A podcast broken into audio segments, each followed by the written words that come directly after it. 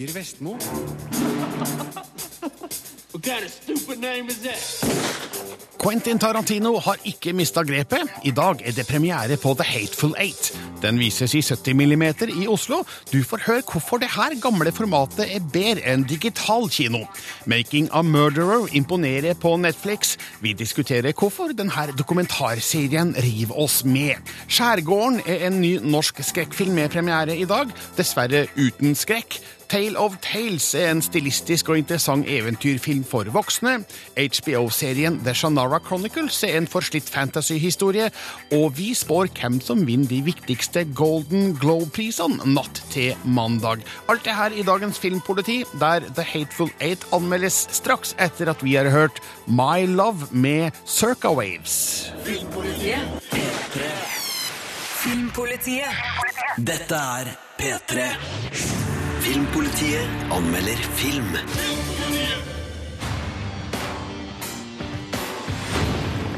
Got room for one more.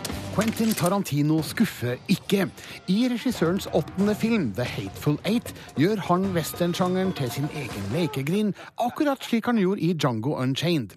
Resultatet er barskt, blodig og morsomt. Sjøl en spilletid på 167 minutter gjør ingenting, for ikke ett av de her minuttene oppleves som kjedelig. The Hateful Eight er kanskje ikke det popkulturelle braket som Pulp Fiction eller Kill Bill var, men med Tarantinos sedvanlige stilsikkerhet, rike persongalleri og frodige dialog, er det her et underholdende verk fra en regissør som slett ikke har mista grepet. She's wanted dead or alive for murder. When that sun comes out, I'm taking this woman to hang. Handlinga foregår i Det ville vesten etter den amerikanske borgerkrigen. Passasjerer fra to diligenser må søke ly for en snøstorm på en øde handelsstasjon i Wyoming. Vi møter to dusørjegere, spilt av Kurt Russell og Samuel L. Jackson, en fange, spilt av Jennifer Jason Lee, en galgemann, spilt av Tim Roth, to cowboyer, spilt av Michael Madsen og Demion Bishir, og en general, spilt av Bruce Dern. Etter hvert viser det seg at flere av figurene har historikk som krysser hverandre på ulike måter, og gjør at spenninga mellom dem eskalerer. One of them fellas is not what he says he is. Det her er 100 rent Tarantino-stoff fra ende til annen. Man kjenner igjen de tøffe figurene, den omstendelige dialogen og de blodige voldsutbruddene fra alle filmene hans. Det fungerer fremdeles, takka være skuespillere som kanaliserer Tarantinos manus fortreffelig. Flere av dem har jobba med en før, og kjenner tonen, figurene og historiene hans fungerer best i, altså med glimt i øyet, sjøl i de grusomste øyeblikkene. Hver og en av dem har sitt særpreg, men skal jeg velge én favoritt, må det bli Jennifer Jason Lee som Daisy. Hun gjør et herlig comeback med en fresende rolletolkning. The Hateful Eight har flere anakronistiske ord, uttrykk og trekk, men jeg mistenker Tarantino for å ikke bry seg veldig om sånt. Han gjør som han vil, og det kommer som regel noe interessant ut av det. Jeg velger å ikke legge altfor stor vekt på slike detaljer, da helheten er overbevisende nok. The Hateful Eight er flott spilt, spennende fortalt og nydelig filma. Quentin Tarantino kan sikkert beskyldes for mangel på måtehold, f.eks. når det gjelder voldsbruk og spilletid, men i mine øyne er det en av hans styrker. Derfor finner jeg ingenting å hate i The Hateful Eight. Tvert imot. No one said this job's supposed to be easy. Nobody said it's supposed to be that hard, neither. Terningkast fem. Filmpolitiet.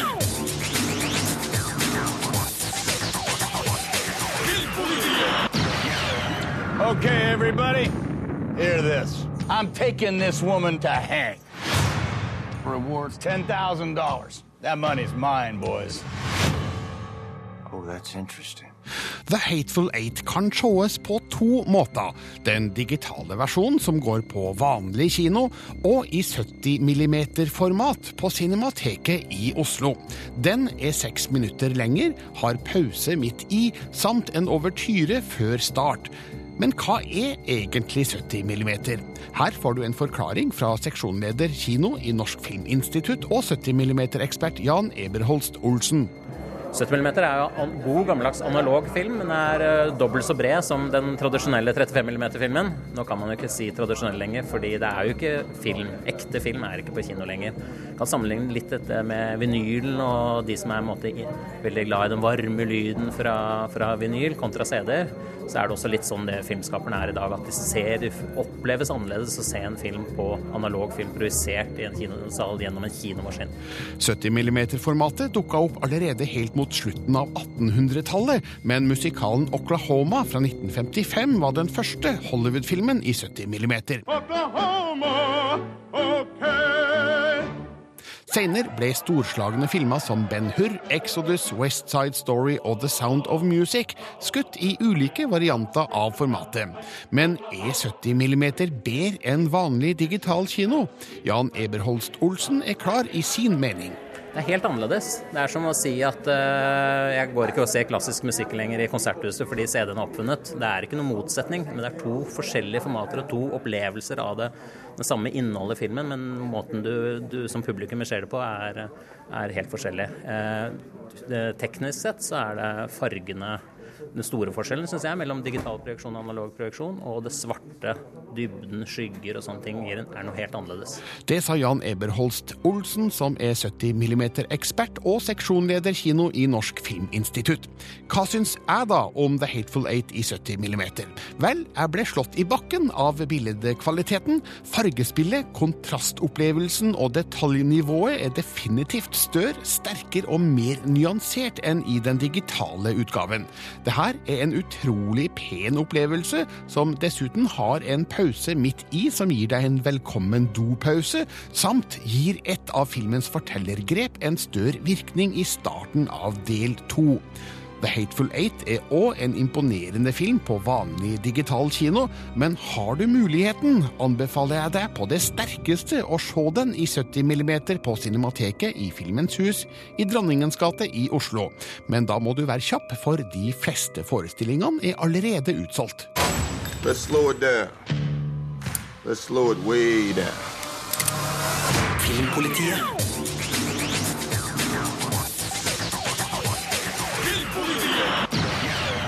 Rett før jul dukka det opp en serie på Netflix som heter Making a Murderer. En eh, dokumentarserie i ti deler som handler om en helt spesiell sak fra USA. Her et lite lydklipp. Penny Bernstein was everything that Stephen wasn't. So just think of the two of them side by side. There was no real investigation done by the sheriff's department. The sheriff told the DA not to screw this case up. He wanted Avery convicted of this crime. There isn't one iota of physical evidence in this case that connects Stephen Avery to it. In fact, the sheriff was told by the police, you have the wrong guy. Det her handler altså om Stephen Avery, som ble dømt til fengsel for um, overfall og voldtekt. Helt tilbake på tidlig 1980-tall. Satt 18 år i fengsel, helt til det ble oppdaga at eh, nei, du er jo uskyldig. Eh, nye DNA-bevis eh, hadde kommet opp, og han slapp ut av fengsel, men det er bare starten av denne historien. Eh, når den heter 'Making a Murderer', så forstår man litt kanskje hvor det bærer seg, Sigurd Vik? Ja da, man gjør det, og vi skal ikke spoile noe her, men temaet er vel justismord, eller et mulig justismord, uten at vi skal gå så mye nærmere inn på det. Og så er det jo snakk om for denne første saken, han satt jo 18 år fordi det var noen som mente at han skulle sitte i det fengselet, og her er det jo han mot det lokale politikorpset, som da plasserte den i fengsel til å begynne med, som er en eh, grunntematikk, og man ser også på ting som hvordan en hvordan foregår et avhør, hvordan foregår en etterforskning, hvilke rettigheter har man som et individ i møte med en, en rettsstat. Ja, for Marte Hedenstad, når vi ser denne serien, så er det jo helt åpenbart at her er det noe som stinker noe helt skikkelig. Ja, det er virkelig det. Altså, Stephen Avery og familien hans de driver jo en sånn, et bilopphuggeri i uh, Manitowoc. Uh, og de er sånn typisk sånn white trash-familie, ikke sant? som mislikes av resten av folka i byen. Og uh, er en sånn derre det, det sorte fåret, byens sorte får. En egen klan. Uh, en egen klan, nesten. Og da er det klart at det, her er det lett å skylde på noen, og da var det Steven som på en måte ble utpekt uh, den gangen. Det her er jo fantastisk meddrivende, og man sitter jo episode etter episode og rister på hodet og er nesten eh, vantro over det som blir servert her av informasjon og avsløringer. Ja, og det er jo så fint, for eh, regissørene Mara Demos og Laura Ricardi har jo fulgt eh, Avery i ti år, så det er jo så mye materiale, og så nært materiale. De er ikke til stede i det hele tatt. Intervjuene foregår bare i hjelp av svar. Vi får aldri høre spørsmålene de stiller, men det er veldig nært på Avery og familien, og det er nært på ulike rettssaker. De bruker også arkivklipp. Så det er utrolig godt. Det som kan sies, er jo at det her er jo eh, fra en vinkel Altså, vi fortelles historier med en veldig sånn klar sympati for eh, Stephen Avery, eh, og her er det nok mye som er utelatt, og det er mye musikkbruk som gjør at hvis det er en fyr som ikke er helt god, så hører du på lydsida. Ikke fullt så ille, men jaggu ikke langt unna heller. Det er en del sånn dronende synter og sånne ting. Så det er klart, det her er historie som er orkestrert for skjermen, og vi, er, vi får én vinkel, men du verden, den er god. Ja, og det funker jo som fjell, og man får virkelig en sympati for ikke bare Avery, men også familien hans. Eh, det var et punkt så begynte jeg å gråte for jeg syntes på moren, ikke sant? Fordi at tenk, hun har gått gjennom først sønnen 18 år i fengsel, Ja. eh, og så skjer Også det ting videre som kanskje er enda verre. Det er også en nevø inne i bildet her. det er Som, eh, hver gang han kommer på skjermen, så sitter jeg og ja. fruen hjemme og sier Stakkars, stakkars gutt. Det er nært, og det er rørende, og det gjør vondt, og man blir sint. Men så har det jo også kommet opp veldig mye, så dem som ser ferdig denne serien, kan jo også se fram til veldig mange avisartikler. fordi her er det eh, snakk om store eh, reaksjoner i samfunnet, som eh, både involverer seg for og imot her. Og, det har jo kommet opp en del opplysninger i avisartikler senere som også kaster litt sånn, ikke tvil om serien, men som påpeker at det kan dere jo også ha tatt med. Så det er klart, det her er spenning fra virkeligheten. Det er jo bestandig skummelt når man gjør underholdning av virkeligheten, men det her er jo i tråd med Serial, den her podkasten som var så populær, og The Jink, som var HBO sin dokumentar.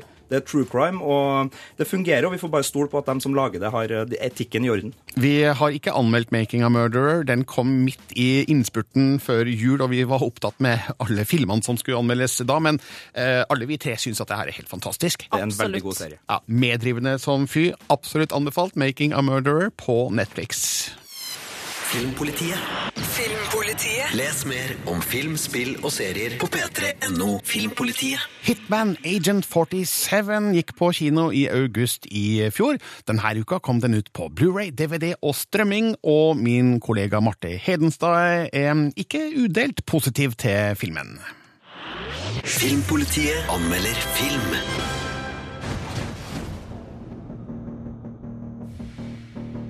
Why don't we start with your name? 47. That's not a name. No. But it is mine. Ok, la meg bare konstatere med en gang. Hvis du ikke har noe forhold til spillene i Hitman-serien, vil du antageligvis ikke like filmen Hitman Agent 47. Med et visuelt uttrykk som er som henta fra spillverdenen, og en rekke referanser som bare fansen vil plukke opp, har imidlertid filmen underholdningsverdi for deg som er fan av Agent 47 og hans uovertrufne snikmorderferdigheter. Hitman Agent 47 handler om et genetisk eksperiment. Menneskelige kloner er gjennom en årrekke blitt modifisert for å bli ultimate drapsmaskiner. Og den beste av dem alle er klone nummer 47, et tall som er stempla inn i barkoden i bakhodet hans.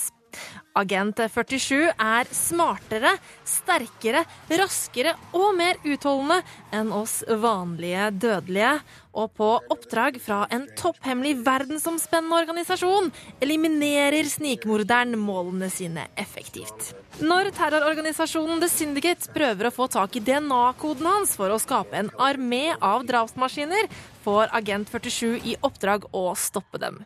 Han oppsøker Katja, som uvitende om sine egne overmenneskelige egenskaper sitter på nøkkelen til å styrte hele den onde organisasjonen.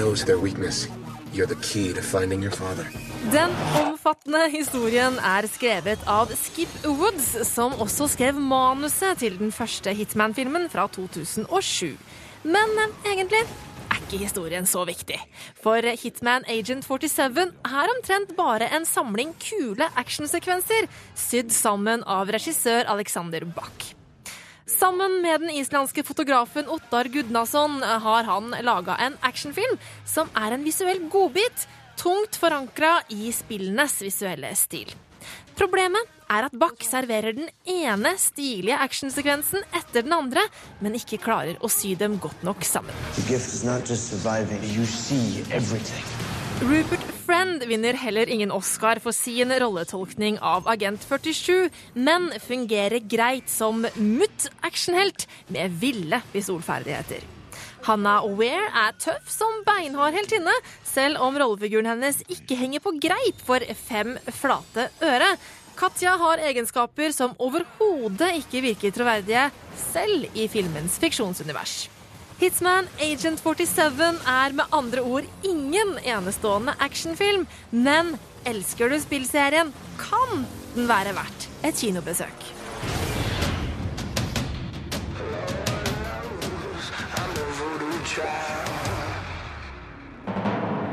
Terningkast tre. Filmpolitiet. På P3. Den sørlandske skjærgården er kulissene i skrekkfilmen som heter Skjærgården. Det her er en referansespekka slasherfilm der morderen dessverre også tar livet av all uhygge, ifølge Sigurd Vik. Filmpolitiet anmelder film.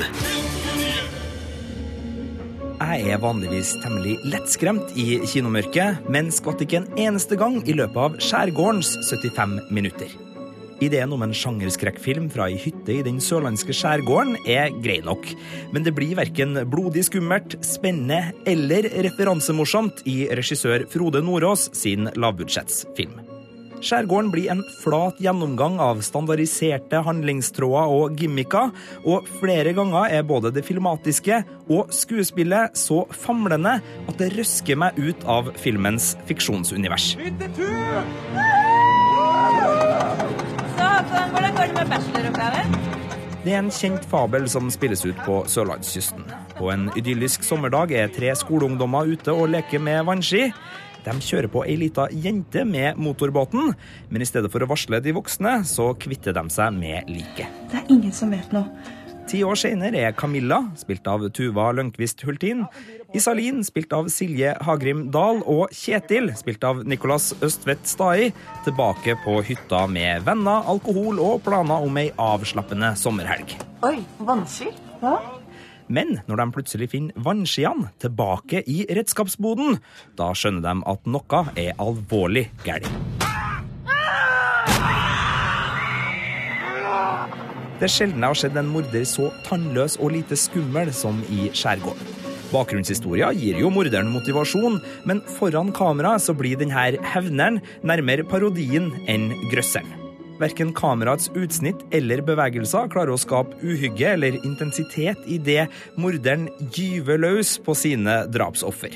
Og klumsete actionsekvenser og vel enkel kamuflasjebekledning gjør morderen til et visuelt fremmedelement i sin egen film. Ja, men blir det party? Jeg tror egentlig ikke det. Party, party, party. Jeg har sansen for energien regissør Frode Nordås formidler. Her ligger det masse kjærlighet til den effektivt fortalte skrekkfilmen. Men sjøl om Nordås har god oversikt over hvilke sjangergrep han vil gjøre til sine, så får han dem ikke til å svinge samstemt. Den voldsomme spenningsmusikken, den billige slasherestetikken og vinkene til den mer humørfylte delen av skrekkfilmhylla er av svært varierende kvalitet, og blir aldri det krydderet som klarer å løfte en ordinær manusidé til en underholdende filmopplevelse. Terningkast to. Les mer om film, spill og serier på p3.no Filmpolitiet. Nå er Sigurd og Marte sammen med meg her i studio. Vi må snakke litt om viktige ting som har skjedd på film- og TV-fronten den siste uka. Og vi skal starte med en gamle kjenning, Sigurd. Ja, og øh, det er øh, en kjenning som ikke bare er kjent fordi han har et uh, uh, veldig tøft navn, men han har også et muskelspill. Vi snakker da om John Rambo, eller Rambo, Sylvester Stallones ikoniske figur, som har gitt oss flere gode filmer. Vi har First Blood. Ja. Rambo 2 Og Stop, Rambo 3. stop or my mom will shoot. Het den det? Kanskje ikke det. Eh, ja, eh, den husker jeg også. Men i hvert fall, eh, nå har det kommet nyheter fra Sylvester Stallone angående denne figuren, og de er litt trist. Birger, du kom med sitatet til oss her på kontoret i går. The heart's willing, but the body says stay home. Det var min lille, Stallone-etterligning der. Nei, så Han føler at eh, kroppen har blitt litt for gammel til å, til å spille mer action, åpenbart. Ja, men så sier han jo også at liksom eh, Leave it to someone else, sier han. Men altså, no, ingen andre kan jo ta over rollen som Rambo, kan de vel det? Skal vi få den unge John ja, Rambo ikke her? sant? Det kan Det jo hende. Men han kan jo ta en, for vi får jo Stallone ganske straks nå i filmen Creed, hvor han gjør sin andre rolle, Rocky, på et vis der han blir eh, trener. Vi kan ikke få en Rambo-trener, en sånn coach-greie. Altså, hvis du skal ut i jungelen, så må du gjøre Rambo junior. Ja. Eh, Det går veldig bra for Star Wars The Force Awakens, eh, det vet jo alle, men nå har den nådd en milepæl i USA. Ja, den har jo eh, rett og slett eh, blitt den mest innbringende filmen noensinne i USA. Og det er jo et eh, kryss i taket for JJ Abrams, men resten av verden, eh, der står det ikke så bra til. Den er blå. Altså, Avatar herjer på verdensbasis fremdeles. Det er jo Avatar og Titanic som har vært de to store. Det er jo James Cameron-filmer, begge to. Men nå har da eh, Star Wars The Force Awakens eh, tatt over toppen i Eller en, det er også mange måter å regne der på, men i hvert fall én av toppene i USA. Og så spås det da at den ikke kommer til å klare å ta igjen Avatar på verdensbasis, men legge seg på en andreplass. Altså gå forbi Titanic, og ikke klarer å gå forbi Avatar. Men det er jo ikke skrevet ennå, denne framtida. Nei, den er jo ikke det. The future is not set.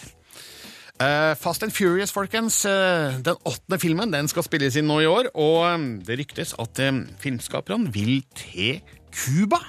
Ja, altså Handlingen skal visstnok være sånn sentrert rundt New York, men så skal de jo sånn tradisjonen tro litt rundt omkring ellers, og da er Cuba et av stedene. Men da, må jeg, da tenker jeg bare skal de kjøre rundt i sånne gamle 50-60-tallsbiler, da? Altså, Det hadde jo vært supermorsomt, da. det er det de har på Cuba. Det har vært nydelig. Men eh, ja, det er Island og Russland ryktes også. Så av USAs gode forhold til Cuba nå, altså, eller gode forhold, eh, bedrende forhold eh, med Cuba, så har de nå eh, Universal bekrefta at de har seeking approval for å få lov både fra USAs regjering og Cubas regjering til å filme på Cuba. Så det er ikke skrevet i stein det her ennå, men de ønsker å få til litt bilkjøring på den lille øya utafor Miami. Ja, ville vært kult, det, altså. De kan kjøre hvor de vil, bare de holder seg unna norske fjell, slik at Burning 2 får ha dem for seg sjøl da når den filmen kommer mot slutten av året. True that. True that. Tusen takk. Dette er Filmpolitiet Filmpolitiet på P3. I sted snakka vi om nyheter fra filmfronten. Nå skal vi innom TV-ruta, for der skjer det òg spennende ting, Marte og Sigurd. Oh, yes. Hvor skal vi starte? Altså, eh, jeg synes Vi skal starte med det som jeg syns er så rart. At Ross fra Friends spiller faren til Kim Kardashian. Altså, Det, det, er favoritt, her. nei, det er min favorittoverskrift Ja. i 2016 så Nå, langt. nå sa du det veldig fort. Ross skal spille faren til Kim Kardashian. Kim Kardashian. Og det er en overskrift som vi har laga som ikke er helt sann, men den er sann likevel. Men Fordi hva er sammenhengen her? David Schwimmer, som spiller Ross i Friends, skal spille Robert Kardashian i en serie som heter American Crime Story, som kommer nå i vinter slash vår. Og Robert Kardashian er den biologiske faren til Kim Kardashian. Hvorfor vil ikke David Trimmer møte Jo, og det er da nyhetssaken her er at uh, David Trimmer ikke ville møte Kim Kardashian for en prat, i og med at han skulle spille uh, faren hennes, men det var nok litt fordi det var uh, folkene bak Keeping Up With The Kardashians som gjerne ville filme at David Trimmer skulle sitte og prate med Kardashian-søstrene om eh, Robert Kardashian og, og rollen, men det takka han nei til. Men han tok en to timer lang prat med mora til Kim Kardashian eh, for å Du, eh, lære hva? om rollefiguren. Vet du, hva? vet du hva? Beklager, men jeg greier ikke å bry meg om det. Kan, kan vi gå videre til noe som er interessant? Ok. Unnskyld meg, altså. altså jeg, jeg, greit, det er greit. det er greit. Eh, Vi dropper det Kardashians. Vi går over til Game of Thrones. Vi går over til Game of Thrones uh, fordi at det skjer spennende saker på HBO for tida. Uh, HBO har jo lenge sagt at de ønsker liksom helt opp til sesong ti av Game of Thrones, men nå er det altså In Talks, som det heter, med serieskaper David Benioff og DB Wise om sesong syv og åtte. De er i forhandlinger, rett og slett, om at sesong syv og åtte også skal komme. Men det var ikke den nyheten du hoppa i taket for på kontoret i dag, Marte? Eh, nei, altså, jeg eh, er jo gira fordi at eh, Nå altså, Har vi fått sesongpremieren er satt eh, for sesong seks. Eh, Jeg syns den er lovlig sein. 25. april. Det er jo så lenge å vente til! Det er altfor lenge, og det er den seneste Game of Thrones-premieren vi har hatt noensinne. Uh, Men uh, Den er samtidig med USA. ja da, samtidig med Men med kan du ikke tenke at da har de to-tre måneder ekstra på å gjøre serien, sesongen, Ja, altså, enda bedre? De har en, en, en knapp måned å gjøre den enda bedre, men uh, det føler jeg at det bare gjør ventetiden lenger. Men altså, mens man sitter og venter på dette, da, så kan man jo faktisk ta og se uh, sesong fem igjen. For den ligger nå uh, i NRK nett-TV. Første, sesong, nei, første episode av sesong seks er ute, og kommer til å gå på NRK3 Av på torsdagene fem? fremover. Sesong fem, ja. Ja. Mm. Nå er det flere serier som har begynt å få nye sesongdatoer. Ja, vi fikk noen gode bekreftelser her eh, denne uka. Eh, X-Files kommer tilbake med en ny seks episoders miniserie. Den begynner på Viaplay og TV3 den 28. januar. Så det er ikke lenge til vi får er Molder og Scully tilbake på skjermen. Og så Daredevil sesong to fikk også datoen bekrefta nå. Den kommer på Netflix, selvfølgelig, og den kommer 18. mars. Så da har vi enda en sånn eh, å, å glede oss til Mm. mens vi venter på 25. april, for da kommer da Game of Thrones, som nevnt, og også Weep kommer med ny sesong den 25. april. Og Silicon Valley, komiserien fra mannen bak Beavis and Butthead, kommer også med sin tredje sesong den 25. april. Å, herregud, jeg kjenner det blir mye TV-titting også i 2016. Filmpolitiet. Filmpolitiet På P3. Filmpolitiet anmelder film. Every new life calls for a life to be lost. The equilibrium of the world must be maintained. Are you willing to accept the risk? Plakaten for Tale of Tales har slagordet 'Eventyr for voksne', og det er en treffende beskrivelse av den italienske regissøren Matteo Garones første film på engelsk. Det her er virkelig en eventyrstund med et litt drøyere innhold enn vanlig. Historiene som fortelles, har like liten virkelighetsgrad som brødrene Grim eller Asbjørnsen og Moes gjenfortellinger av gamle folkeeventyr. En blanding av naive problemstillinger og blodige konsekvenser gjør det her til lettere bisarr og absurd historiefortelling. Tale of Tales er en definitivt annerledes eventyrfilm. I am prepared to die in order to feel life grow inside me. Han er sea monster. Vi følger intriger i tre forskjellige kongeriker. Kongen av Strongcliff, spilt av Vincent Cassell, blir betatt av den syngende arbeidersken Dora, spilt av Hayley Carmichael, uten å vite hvordan hun egentlig ser ut. Kongen av High Hills, spilt av Toby Jones, prøver å gjøre det umulig for sin eneste datter, spilt av Jesse Cave, å gifte seg, som får uventa konsekvenser. Mens dronninga av Long Trellis, spilt av Salma Hayek, forsøker å holde sønnen Elias, spilt av Christian Lees, unna arbeidersønnen Jonah, spilt av Jonah Lees, som er prikk lik han. You will both regret it. We have to keep this a secret between you and me. Vi er sannelig i eventyrland med monstre, troll, vakre prinsesser og enorme slott. Men handlinga brettes ut med litt mer brutale virkemidler enn fra eventyrbøker for barn.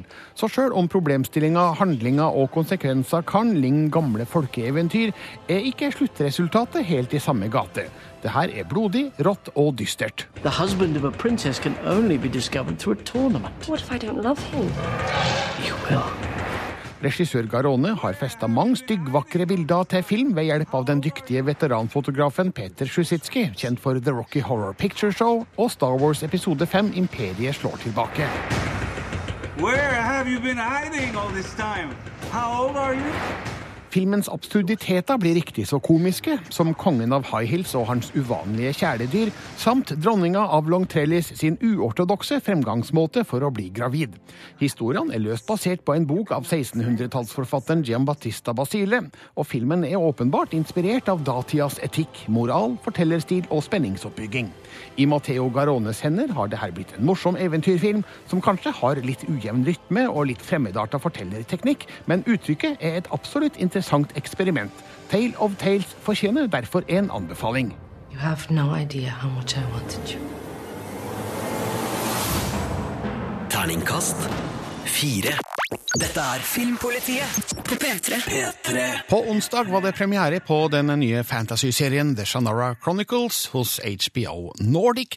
Du lurer kanskje på om den kan måle seg med Game of Thrones, for eksempel? Marte Hedenstad har sett de fire første episodene og syns overhodet ikke det. Filmpolitiet anmelder TV-serie.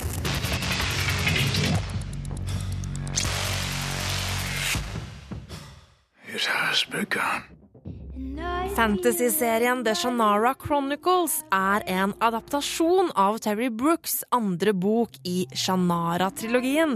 En serie som var viktig for fantasy-sjangerens fotfeste i populærlitteraturen på 70- og 80-tallet. Personlig har jeg aldri blitt fullstendig hekta av Brooks svært Tolkien-inspirerte univers, og nå som MTV har laga en versjon av fortellingen, er jeg heller ikke overbevist. Med klisjéfulle rollefigurer, et halvdårlig manus og skuespillere som ikke klarer å forbedre det, blir The Shannara Chronicles en middelmådig TV-serie du lett kan droppe. The world outside is dangerous, Will. It's full of gnomes and trolls and rovers. They all hate each other. The only thing they have in common is they hate elves more. I'm half elf. Serien er satt langt inn i fremtida, mange hundre år etter en atomkrig som nesten utslettet menneskene. Alver, dverger, gnomer og troll befolker nå kloden sammen med det som er igjen av menneskeheten. Vi følger alveprinsessen Amberley, spilt av Poppy Drayton, og bondegutten og halvalven Will, spilt av Austin Butler. Når alvenes magiske Elchris 3, som vokter fengselet til mørkets demoner, begynner å dø, står verden i fare for undergang. Som to usannsynlige helter og utvalgte kastes Amberley og Will plutselig ut i et episk eventyr for å redde verden. Each leaf represents a single demon. Once they begin to fall, the creatures of darkness will be released one by one. Manuset i The Shannara Chronicles er dårlig. Serien har en viss putefaktor pga. flaue replikker som er ment å være morsomme, og dårlig kjemi mellom skuespillerne gjør ikke saken bedre. Austin Butler har en viss surfeguttaktig sjarm, og Poppy Drayton får nesten til rollen som sterk og egenrådig prinsesse, men samspillet mellom de to skuespillerne er fullstendig blotta for kjemi.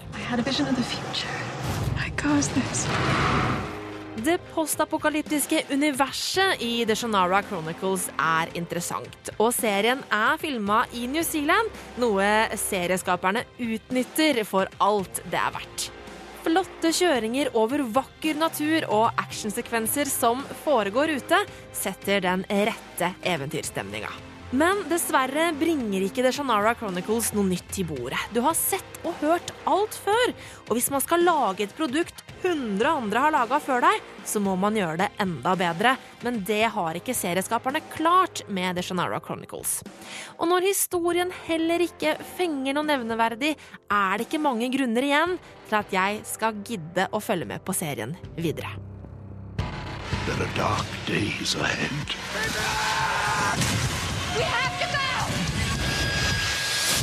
Terningkast to.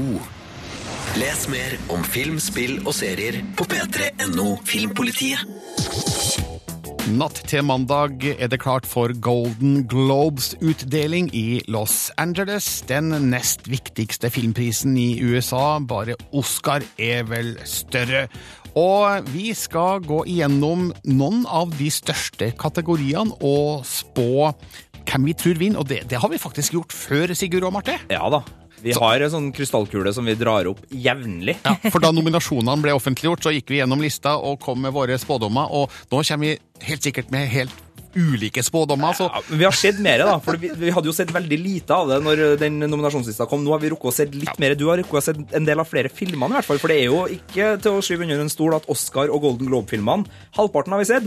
Halvparten kommer utover ja. januar og februar. I kategorien beste spillefilm drama, der er Carol, Mad Max Fury Road, The Revenant, Room og Spotlight nominert. De tre sistnevnte har jeg ikke sett, fordi de har ikke kommet på kino enda.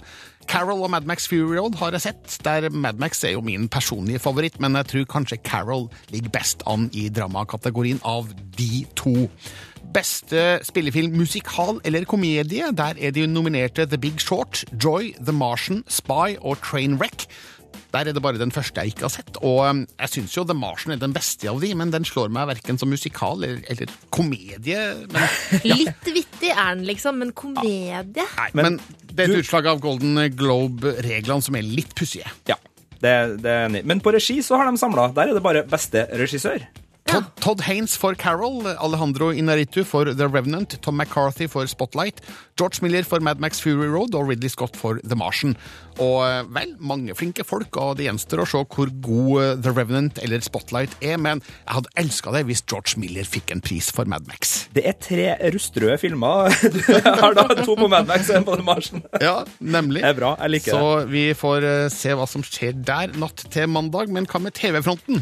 Jo, og da, nå må vi jo si at det er jo den nest viktigste TV-prisen nå, kan man jo si, for Emmy er jo den, den store, men Golden Globe også ganske viktig her. Og da har vi de tre store kategoriene komedie, eh, drama og miniserie. Og Marte, du har dramaen. Ja, der er det jo da Empire, Game of Thrones, Mr. Robot, Narcos og Outlander eh, som er nominerte. Og mellom oss så har vi jo sett alle de seriene, Sigurd. Og vi har likt alle de seriene. Ja, vi har Veldig de er kjempebra. Eh, altså, eh, Game of Thrones er jo liksom en skikkelig slugger i den kategorien, men vi har litt tro på at eh, Golden Globe-folka er litt, eh, litt sånn vågale og går for Mr. Robot eh, der i år, altså. Ja. Hva med beste komedie? Ja, der er det Casual, Mozart in the Jungle, Orange is the New Black, uh, Silicon Valley, Transparent og Weep som er nominert. Merk også her at det er to dramaserier i beste komiseriekategorien, i hvert fall sånn som jeg ser det. Orange is the New Black og Transparent.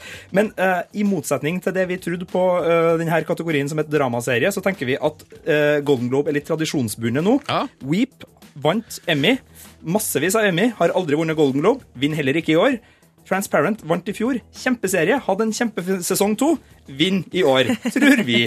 Så Transparent der på beste komiserie. For øvrig, sikkert du må si Veep. Veep, ja, Weep, det er noe helt annet. Weep, det er, da, da, da, da gråter man. Det er sant, det. Man Ja. gråter fordi at serien er så bra. Og ikke visepresidentgråting. Uh, Nei, man er ikke wise president, man er vice president. Ah, ja, ja, ja, det var de uttalelsene, da. Ja, ja, ja. Ja, Jeg, okay. jeg sier regissør feil ofte også. Beste miniserie eller TV-film, hvem er nominert der? American Crime, American Horror Story, Hotel, Fargo, Flesh and Bone og Wolf Hall. Og der vet jeg hvem du heier på, Sigurd. Favoritten er Fargo. Fargo vant vel i fjor også. Yes. Fargo vinner vel i år også, syns jeg den bør, i hvert fall. Hvorfor ikke Fargo sesong to i dramaseriekategorien? Fordi det er en serie som avsluttes hver sesong. For den er liksom ikke en serie som fortsetter med samme historie i sesong to. selv om det er Antologiserie, som det kalles. Men Mm. det er jo samme storyen i Fargo, så den er jo litt snedig. Den bare hopper litt i tid. Natt til Ja, ja. mandag får vi vite hvem av de her som går av med Golden Globe-seieren. Og Marte og Sigurd, dere skal følge utdelinga hele natta. Selvfølgelig. Hele natta. Og det begynner klokka to. Ja. Og det går her i Norge på TV2 Livsstil eh, og TV2 Sumo, så de som har lyst til å se det, kan eh, følge med der. Og tvitre med oss, og ja, følg oss på Instagram, og følg oss på p3.no skråstrek filmpolitiet, der alt blir lagt ut, selvfølgelig. Filmpolitiet. Filmpolitiet. Les mer om film, spill og serier på p3.no Filmpolitiet.